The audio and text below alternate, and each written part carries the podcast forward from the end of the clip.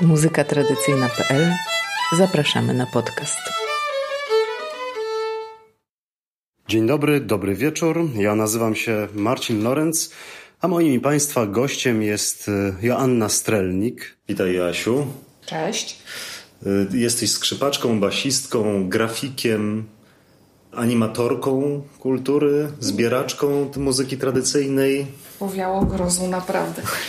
Nie, nie czuję się jakąś taką e, zawodową skrzypaczką, muzykiem. Jestem pasjonatką tego, można tak powiedzieć. Czyli pasja przede wszystkim. Tak. Bo chciałem Cię zapytać, jak Ty sama dla siebie definiujesz muzykę tradycyjną? Co to jest? To jest spotkanie, przygoda? Ja mam taką definicję bardzo odtąd dotąd, bo każdy szuka czego innego, w, e, zajmując się tą muzyką. Niektórzy szukają właśnie jakiegoś przeżycia, dla niektórych to jest e, coś z pogranicza, nie wiem, jakiegoś takiej formy teatru trochę, dla niektórych jest to jakiś taki cały, całościowy rytuał przejścia, kiedy nagle stykają się z czymś zupełnie innym niż e, ta bańka, w której się wychowali. Nie? Natomiast dla mnie, ja podchodzę do tego czysto muzycznie. Mnie interesuje warstwa muzyczna, dlatego że wiesz, warstwa, warstwa etnograficzna mnie nie interesuje, bo ja się wychowałam na wsi. No i po to się wyprowadziłam, jak gdyby, żeby już tam nie być. Poza tym nie jest to dla mnie coś, czego nie znam, więc. więc y, I wybrałam sobie tak, taką działkę, jak gdyby, że zajmuję się tym po prostu jako, jako muzyką. Czysto. To wszystko oczywiście jest cenne, jakieś tam stykanie się z ludźmi, stykanie się z przeszłością, czy z historią i tak dalej, i tak dalej. Nie mówię, że to nie niesie z sobą dla mnie jakieś wartości, ale to jest jednak wątek poboczny. Ja patrzę na to głównie muzycznie. Mhm.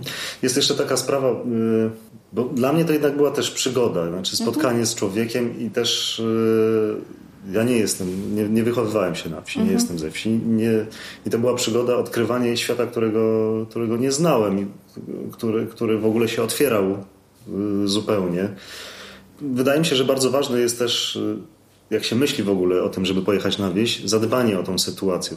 Mówisz, że jechałaś po muzykę konkretnie, ale jednak y, czy czułaś jakąś odpowiedzialność za tą sytuację, co, za no, spotkanie? No, no, no, pytanie, czy ja jechałam, bo to jest dobre pytanie. Wiesz, bo ja bardzo mi się podobało uczenie się z nagrań. To jest dla mnie bardzo komfortowa sytuacja i jeździłam z pewnym przerażeniem, bo to są dla mnie sytuacje mega trudne, również dlatego trochę, że nie jestem tak całkiem z zewnątrz i widzę pewne rzeczy, które robią ludzie z miasta nieświadomie, nie zdając sobie sprawy, że popełniają straszne faux pas. I im to uchodzi, ponieważ oni są tam z miasta, więc ich traktują troszkę inaczej, a oni nie uświadamiają sobie, że to robią. Nie typu władowanie się gdzieś o dziwnych porach, jak wiesz, ludzie akurat mają obrządek, albo nie przynoszenie z sobą jedzenia, co jest grozą na wsi kompletną, bo zawsze trzeba przyjść z czymś, albo się ładowanie w jakieś takie... z czymś słodkim.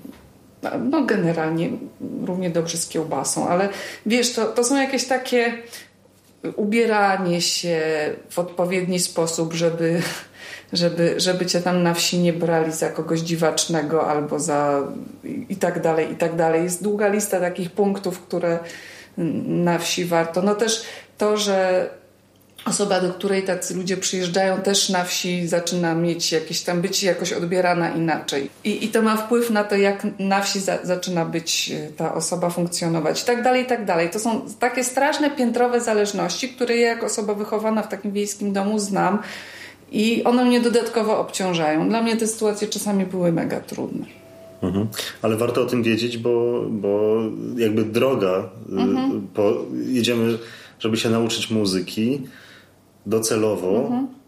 może być dużo dłuższa, przez to, że właśnie nie znamy tych wszystkich meandrów wiesz, i tych py pytanie zachowań. Jest, pytanie jest, wiesz co, jak to jest z tym uczeniem u muzyki? Bo ja czasami widzę, że jeśli chodzi o takie stricte uczenie się muzyki, to czasami to przeżycie y, bardziej przeszkadza niż wiesz, ludzie się zajmują biesiadowaniem, brataniem, historiami i różnymi rzeczami, które są ważne, bo oni nagrywają, poznają i tak dalej. No ale ile w tym czasie można by się nauczyć muzyki, wiesz, które się zużywa na, na, na, na inne rzeczy, nie? Ja jak zorientowałam się, że ta muzyka w ogóle istnieje, bo wiesz, to było bardzo dziwne, bo się wychowałam na wsi i nie miałam o tym pojęcia. Mój dziadek był muzykantem. Mieli z wujkiem w latach 60. zespół weselny i grali wyłącznie tanga i foxtrot. I e, w domu była oczywiście płyta Mazowsza. Ja myślałam, że muzyka ludowa to są dwa serduszka, cztery oczy, śpiewane sopranem koloraturowym. I wiesz, jak zobaczyłam, że ta muzyka istnieje, to było dla mnie coś nieznanego. Nie to, że się tam, wiesz, dzieli mięso i tam inne rzeczy, i jak się rąbie drzewo, jak w zimę jest, jak się do kościoła chodzi, czy coś. To była dla mnie rzecz absolutnie znana, od której wywiałam do miasta. Natomiast muzyka była nieznana, więc to było fascynujące. Pochodzisz z Opoczyńskiego, prawda? Tak. I, ale pamiętam, że kiedyś rozmawialiśmy, mówiłaś, że Opoczyńskie nie jest twoją pierwszą muzyką, taką, w której się zakochałaś. Ta muzyka opoczyńska, którą bardzo dobrze znasz i ją yy, studiujesz cały czas tak naprawdę. Właśnie pytanie, czy ja ją tak dobrze znam? Wcale nie, bo moją pierwszą miłością to jest muzyka z pogranicza opoczyńsko-radomskiego. Wiesz, na ile ona jest radomska, to jest też dobre pytanie, bo się okazuje, że jednak te pogranicze, to pogranicze bardzo się przenikało i jest z nami kot. Jest z nami kot. Y, więc, więc trudno powiedzieć, gdzie właściwie te granice Opoczyńskiego przebiegają, wiesz? Y, tym bardziej, że moja babcia się urodziła bliżej Nieznamierowic niż bliżej, wiesz, samego Opoczna, także to wszystko jest takie nie do końca. Ale tak naprawdę gram, gram kajoków, mhm. czyli zachodnią Radomszczyznę, a konkretnie Zarasie. I tak jak mówiłaś, zaczynałaś od nagrań, tak? Tak, tak, tak. tak. Ja, ja się zakochałam w nagraniach i w ogóle w e, uczeniu się z nagrań, którym myślę, wyspecjalizowałam się w tym. Uwielbiam to robić i to jest świetne i nic mnie wtedy nie rozprasza i nie angażuje emocjonalnie. E, to jest tak, że po latach ja doceniam pewne rzeczy, tak? To, że mogłam grać na przykład z Piotrem Gacą, który był naprawdę mistrzem, bo nie każdy tak naprawdę jest mistrzem. Niektórzy są wspaniałymi źródłami informacji, w ogóle teges, ale nie każdy jest mistrzem. Piotr był mistrzem. Można go postawić gdziekolwiek i by był. I granie z nim było absolutnie niesamowite i upojne i strasznie rozwijające, ale to chyba dlatego to tak też odbieram, że ono było strasznie rozwijające muzycznie. On był fachmanem od muzyki, po prostu był w tym świetny grał fantastycznie, miał mnóstwo jakichś niuansów, miał świetne uwagi, konkretne, cięte, ostre. Granie z nim to był taki konkret. Błyskawicznie się człowiek musiał uczyć. A w Opoczyńskim? No w Opoczyńskim też grywam z panami muzykantami, ale to już inaczej wchodzę w tę sytuację, bo y, tutaj jestem taka w miarę już ogarnięta. Nie gram już ileś tam lat, słucham, już, już umiem. także, także to jest inna sytuacja. Fajnie się gra jakoś nikt mnie nie objeżdża na razie. No. Jak tobie się grało? Właśnie nie chodzi mi o to spotkanie właśnie emocjonalne, coś tam, tylko wiem, że no, grałeś z muzykantami, z panem Kubiakiem, prawda, i z, z panem Julianem Jarząbem. Y, z, z Kubiakiem było tak, że na początku było trudno. Bardzo trudno było mi wejść w tą muzykę na początku i to mi zajęło y, trochę czasu, jakby zrozumienie rytmiki, mhm.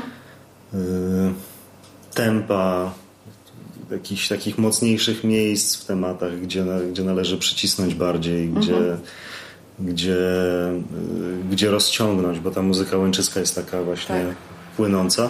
I to, jest, i to, I to jest trudne bardzo, żeby zrozumieć charakter tej muzyki. I na początku pan Tadzio no tak przyglądał się temu cierpliwie od czasu do czasu powtarzał, jak go prosiłem, ale też y, cierpliwość miała swoje granice.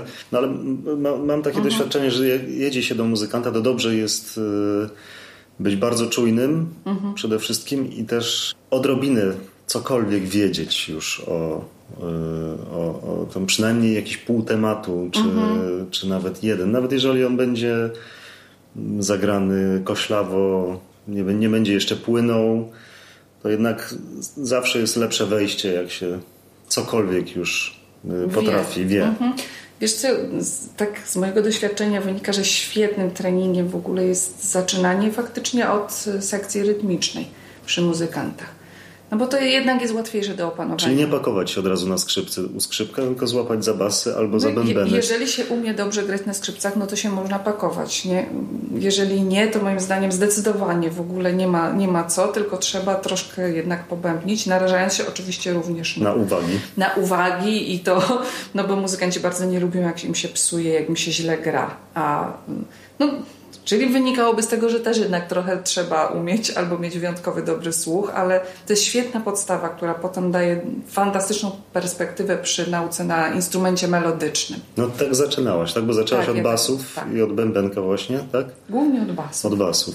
Bębenek to był taki raczej, raczej później i właśnie w Opoczyńskim zaczęłam. Bo ja tylko na barabanie bębnie, bo miałam kontuzję i rzadko na obręczówce. Mm. A z basami jak było? Z basami tak było, że to, że jestem basistką, przyznam, że zawdzięczam e, kapeli Niewińskich, którzy po prostu potrzebowali basisty i my ze Staszkiem tam trafiliśmy, bo chcieliśmy się nauczyć grać na skrzypcach i po prostu najbliższym takim skrzypkiem wyglądającym na w miarę nieprzerażającego był, był Mateusz i u niego wylądowaliśmy, a oni akurat mieli jakiś taki wakat i taki czas w życiu, że tak się rozglądali za kimś na basy. No i wstawili mnie na te basy, jakoś poszło. Praktyka była natychmiastowa, no bo po prostu po miesiącu zaczęłam grać normalnie na, na zabawach, na występach. W zasadzie jak zaczęłam grać na basach, pierwszy raz dotknęłam basów tak konkretnie w lutym. Pod koniec lutego, to pod koniec kwietnia był koncert na Mazurkach na, i, i wystąpiłam. Nie z Nowaczkiem i z Niewińskim. Także nie było czasu, żeby się tam roztkliwiać, tylko od razu trzeba było w miarę dobrze. Potem było tak, że Tadeusz Jedynak, fantastyczny skrzypek z Przystałowic, szukał kogoś na basy, bo on nie grał z harmonią, grał tylko z bębnem i czasami potrzebował. No i ponieważ na wsi nie ma już basistów, to się tak rozglądał po tych młodych i zaczepił właśnie kiedyś Mateusza Niewińskiego, żeby mu nie przybasował. No Mateusz, nie, nie, nie, nie. A ja mam taką dziewczynę, ona by może przybasowała. No pan Tadeusz powiedział, kobieta na basach? Nie. No i na tym stanęło, że nie, ale w którymś momencie na, w ten dyryndy w klubie W Kazimierzu. Kazimierzu został użyty podstęp, ponieważ pan Tadeusz stał już na scenie Tendyryndy z panem Władysławem Kowalskim, bębnistą.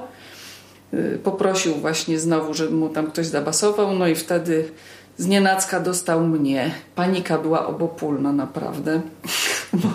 Ale po pięciu minutach panika minęła i, i dość, dość długo gra, grałam z panem Tadeuszem. To, też było to świetne, z tym, że tam trzeba było sobie radzić samemu. Pan, pan Tadeusz nie słyszał wtedy już dobrze, więc no radź sobie kobito, nie?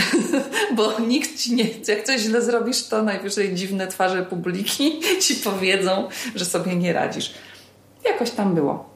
No, a potem za, zaczęły się jakieś takie okazjonalne mm, momenty, kiedy grywałam z Piotrem. Właśnie na, te, na tej zasadzie, jak on grał z Niwińskimi czy i tak dalej, no to lądowałam na basie. No i to, to była już szkoła mordercze spojrzenia Piotra. Jak coś było nie tak, to było naprawdę bardzo silny bodziec do rozwoju.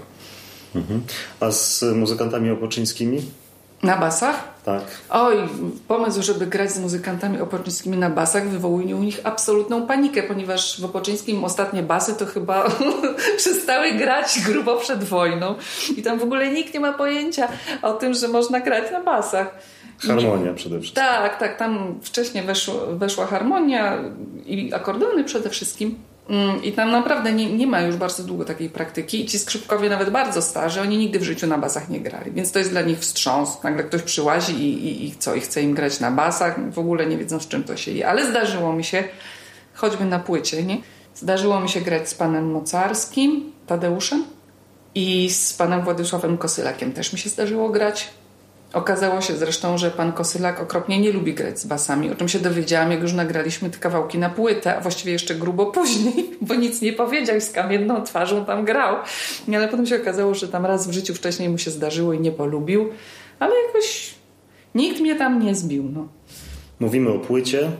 Mówimy o płycie Najstarsi skrzypkowie regionu opoczyńskiego, która wyszła w 2019 roku. I której sobie posłuchamy.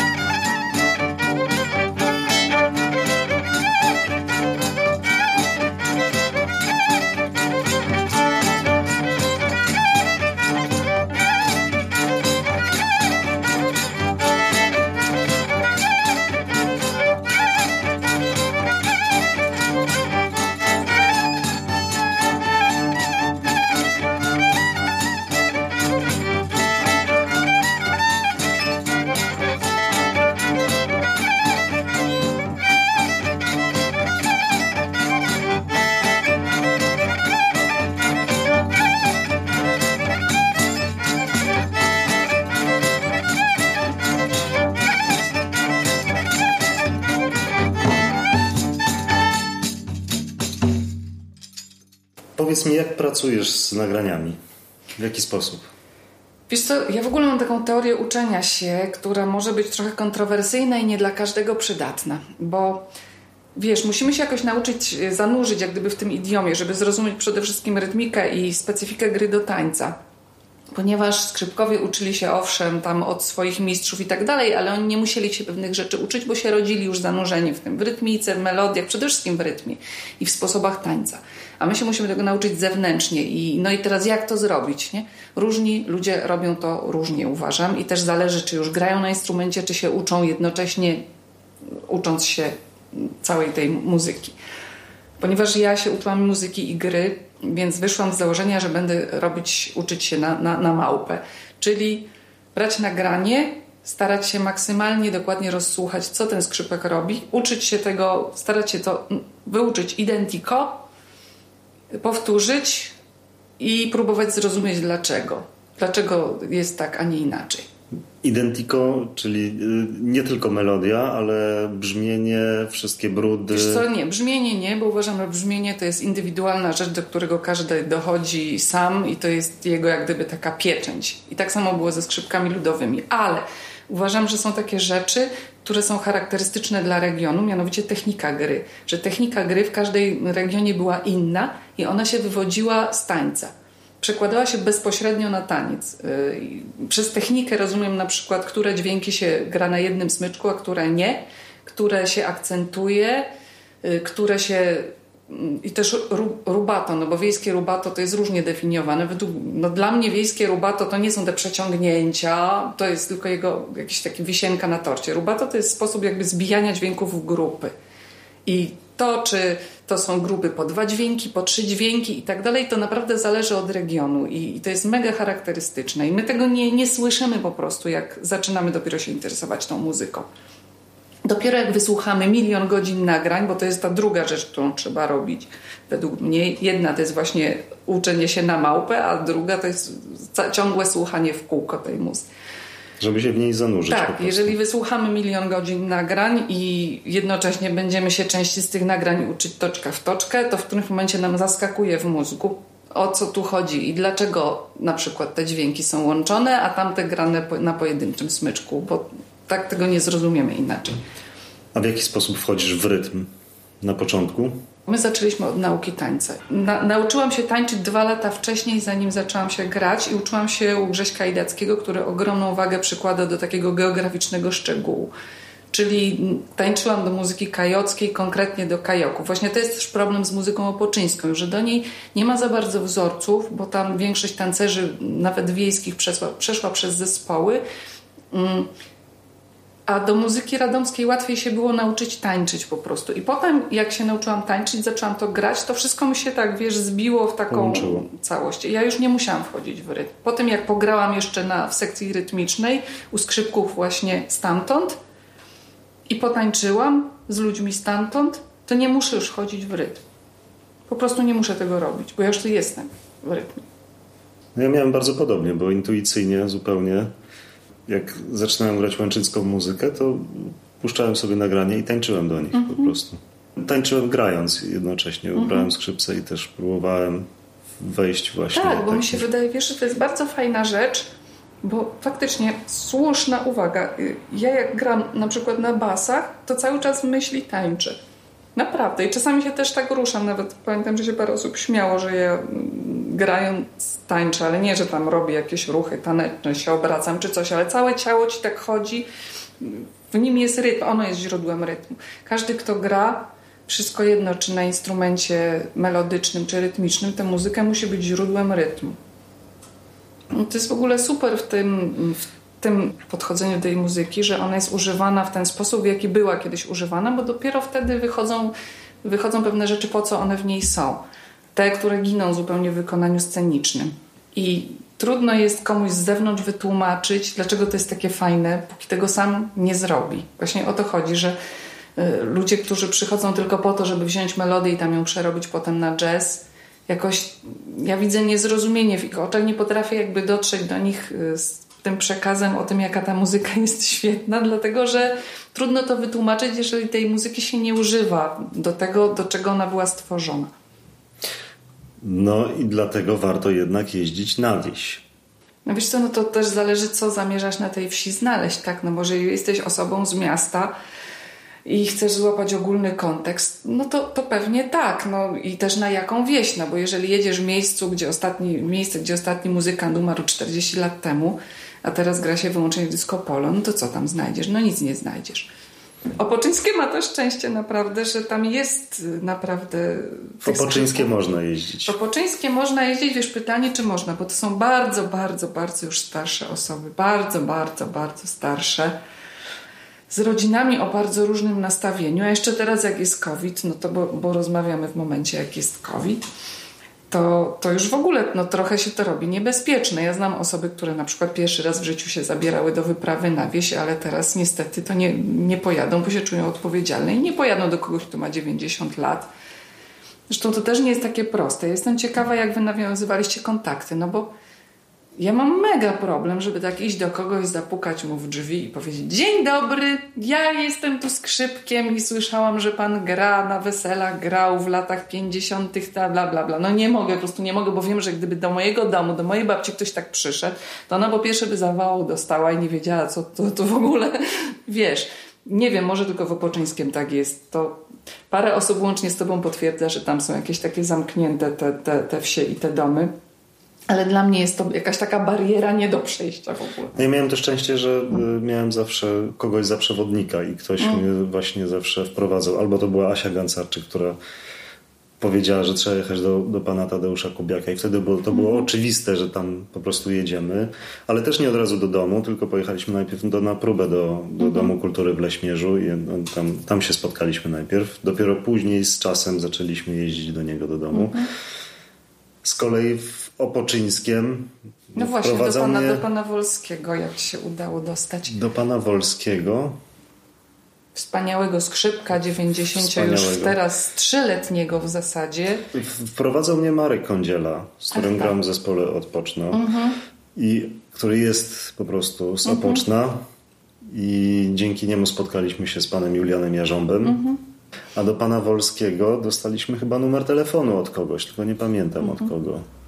Fajny było ten pierwszy festiwal Opoczną Stolicą Oberka, gdzie oni wszyscy się zjawili i mam wrażenie, tak jak teraz sobie posiedziałam i pomyślałam, że to jest dobre miejsce, żeby poznawać muzykantów. Jakieś festiwale, jakieś przeglądy w, w Kazimierzu, ale nie tylko, bo jest dużo lokalnych przeglądów, gdzie naprawdę fajnie jest pojechać.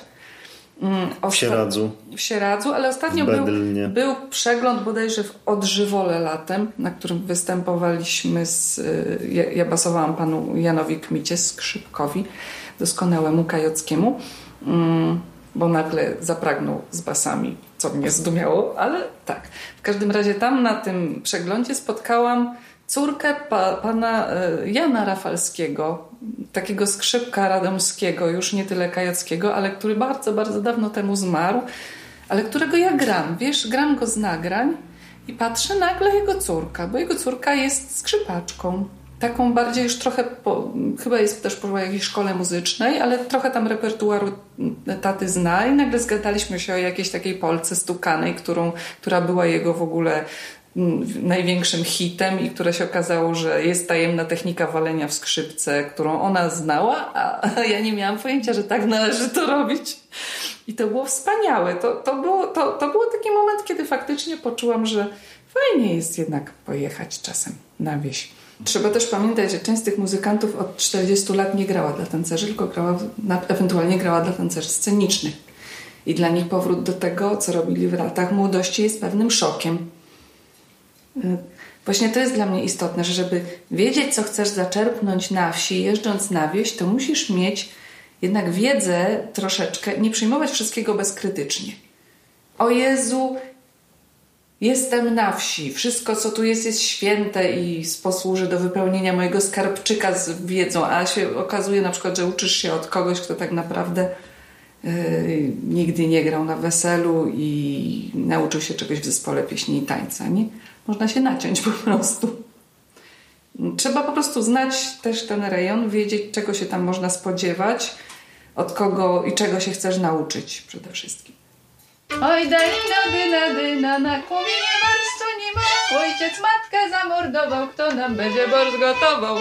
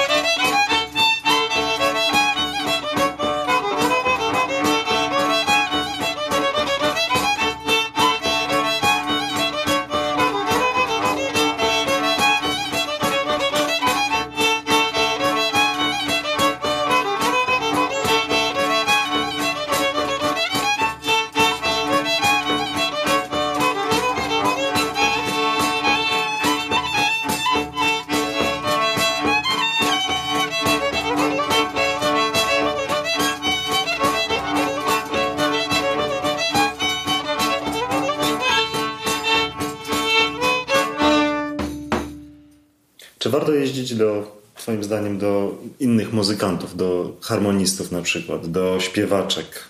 To jest jeszcze kolejny temat. Tak, to jest kolejny temat. To znaczy, wiesz co, warto zdać repertuar regionu, którego się człowiek uczy, to jest ważne i do śpiewaczek uważam jest warto jeździć i śpiewać tak samo z tego samego powodu, jak warto jest tańczyć. E, po prostu, ponieważ podstawą każdej, wiesz, kawałek grany do tańca zazwyczaj wywodzi się od kawałków śpiewanych w dużej części. I żeby go z sensem zagrać, e, to trzeba wiedzieć, które dźwięki są jak gdyby taką podstawą tej budowli, a które są dodane na użytek albo ogrywki, albo są ozdobnikami. Żeby to wiedzieć, to trzeba. Znowu kot, przepraszam. Żeby to wiedzieć, to trzeba e, znać tą podstawową melodię, którą się zazwyczaj śpiewa. A bardzo ciężko, nie śpiewając tymi śpiewaczkami, nie znając ich repertuaru, bardzo ciężko jest, bo my się uczymy jak gdyby od tyłu, prawda? W sensie nie uczymy się tak jak wiejscy muzykanci, którzy mieli, znali śpiewany kawałek i potem sobie na tym nadbudowywali ogrywkę, ozdobniki i wszystko.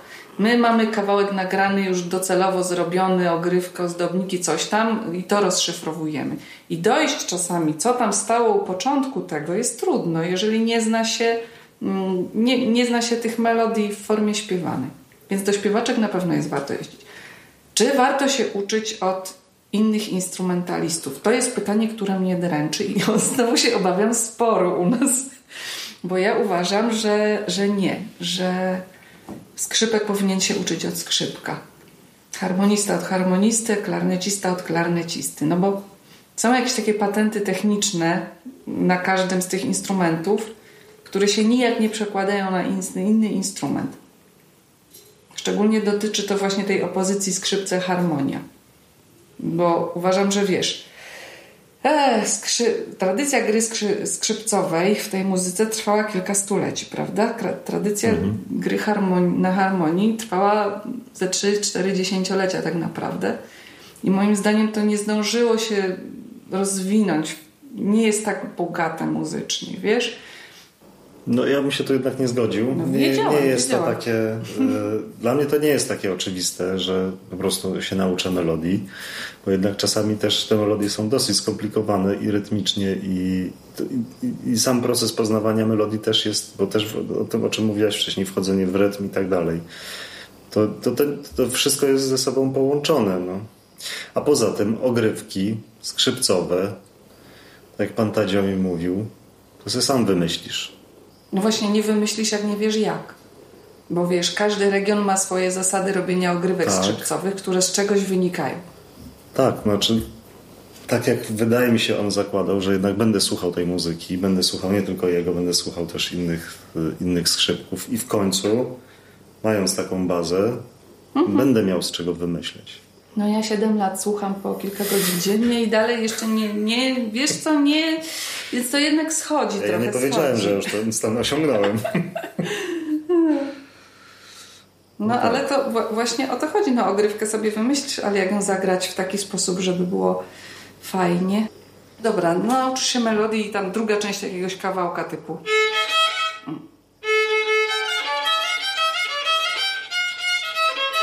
No to jest melodia z ogrywką, nie? A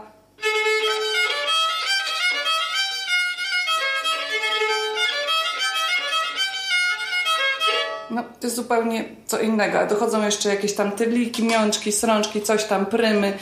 Yy, bardzo dużo dwudźwięków. Większość skrzypków takich starszej daty, którzy zaczynają z harmonii, grali cały czas nie to, że na pustej strunie, że burdą. No, jeszcze mnóstwo robili dwudźwięków innych, chociażby tych takich zdwojeń i tak dalej, i tak dalej. No tego na harmonii nie ma. Mhm. Wiesz, no, na, nauczyć się samych nut, jak gdyby nut, no nut, dźwięków ułożonych w rytmie, to jest jedna trzecia tego, co tam jest. A dla mnie dwie trzecie zostają wtedy do, zaprzepaszczone. To prawda, ale i tak no, wydaje mi się, że to i tak zawsze będzie z pożytkiem jakimś. No. Z dla, jednej strony tak, dla... z drugiej strony bierzesz nagranie i nie musisz się tam męczyć.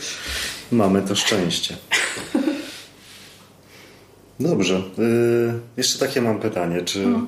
Twoim zdaniem jest sens przetwarzać tą muzykę? Znaczy, czy jest sens wprowadzać, yy, czy łączyć ją z innymi gatunkami, wsadzać ją w jakieś inne konteksty muzyczne też, wiesz, współczesne. Wiesz co, ponieważ ja mam opinię straszliwego betonu in crudo, to być może ta odpowiedź moja wiele osób zdziwi, bo ja uważam rzeczywiście, że jest sens.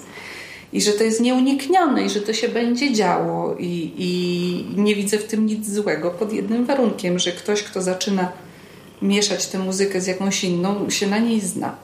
Dlatego, że większość jakby prób robienia tego, którą słyszałam w swoim życiu, a jestem weteranem z festiwalu Nowa Tradycja i wielu rzeczy się nasłuchałam już i sposobów używania i wykorzystywania tej muzyki do różnych tam mieszanek jest po prostu robiona jak gdyby bez szacunku dla tego pierwowzoru i bez jego głębszej znajomości. No, klasyczne wzięcie ludowej melodii, wsadzenie jej w schemat jakiś tam jazzowy, rockowy czy jakikolwiek inny, który zazwyczaj łączy się z kompletnym zmasakrowaniem siatki rytmicznej.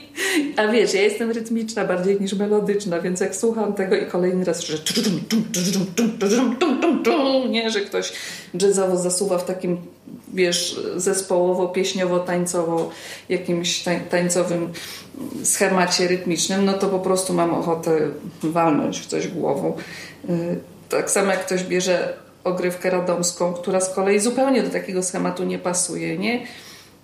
I jedzie na przykład, właśnie wiesz, sekcja rytmiczna jedzie takim schematem klasycznego, narodowego oberka pod spodem. Albo z kolei jest ogrywka radomska, która jest taka szóstkowa, ale porozbijana na dwójki, nie?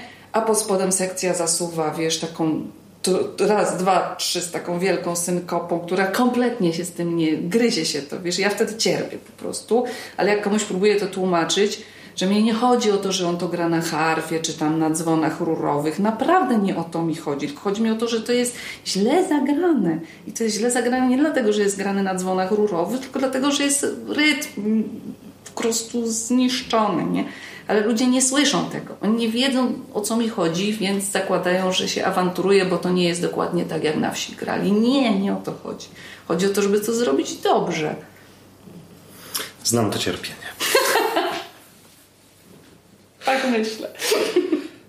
Y, to co z tą wsią? Jeździć, nie jeździć? No jeździć, jeździć, no.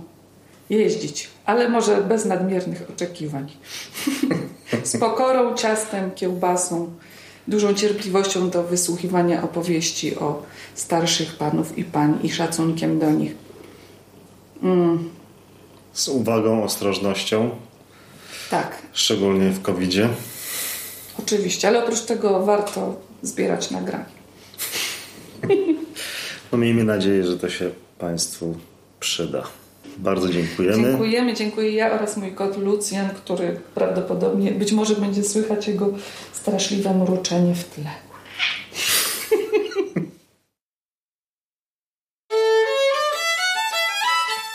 To był podcast muzykatradycyjna.pl.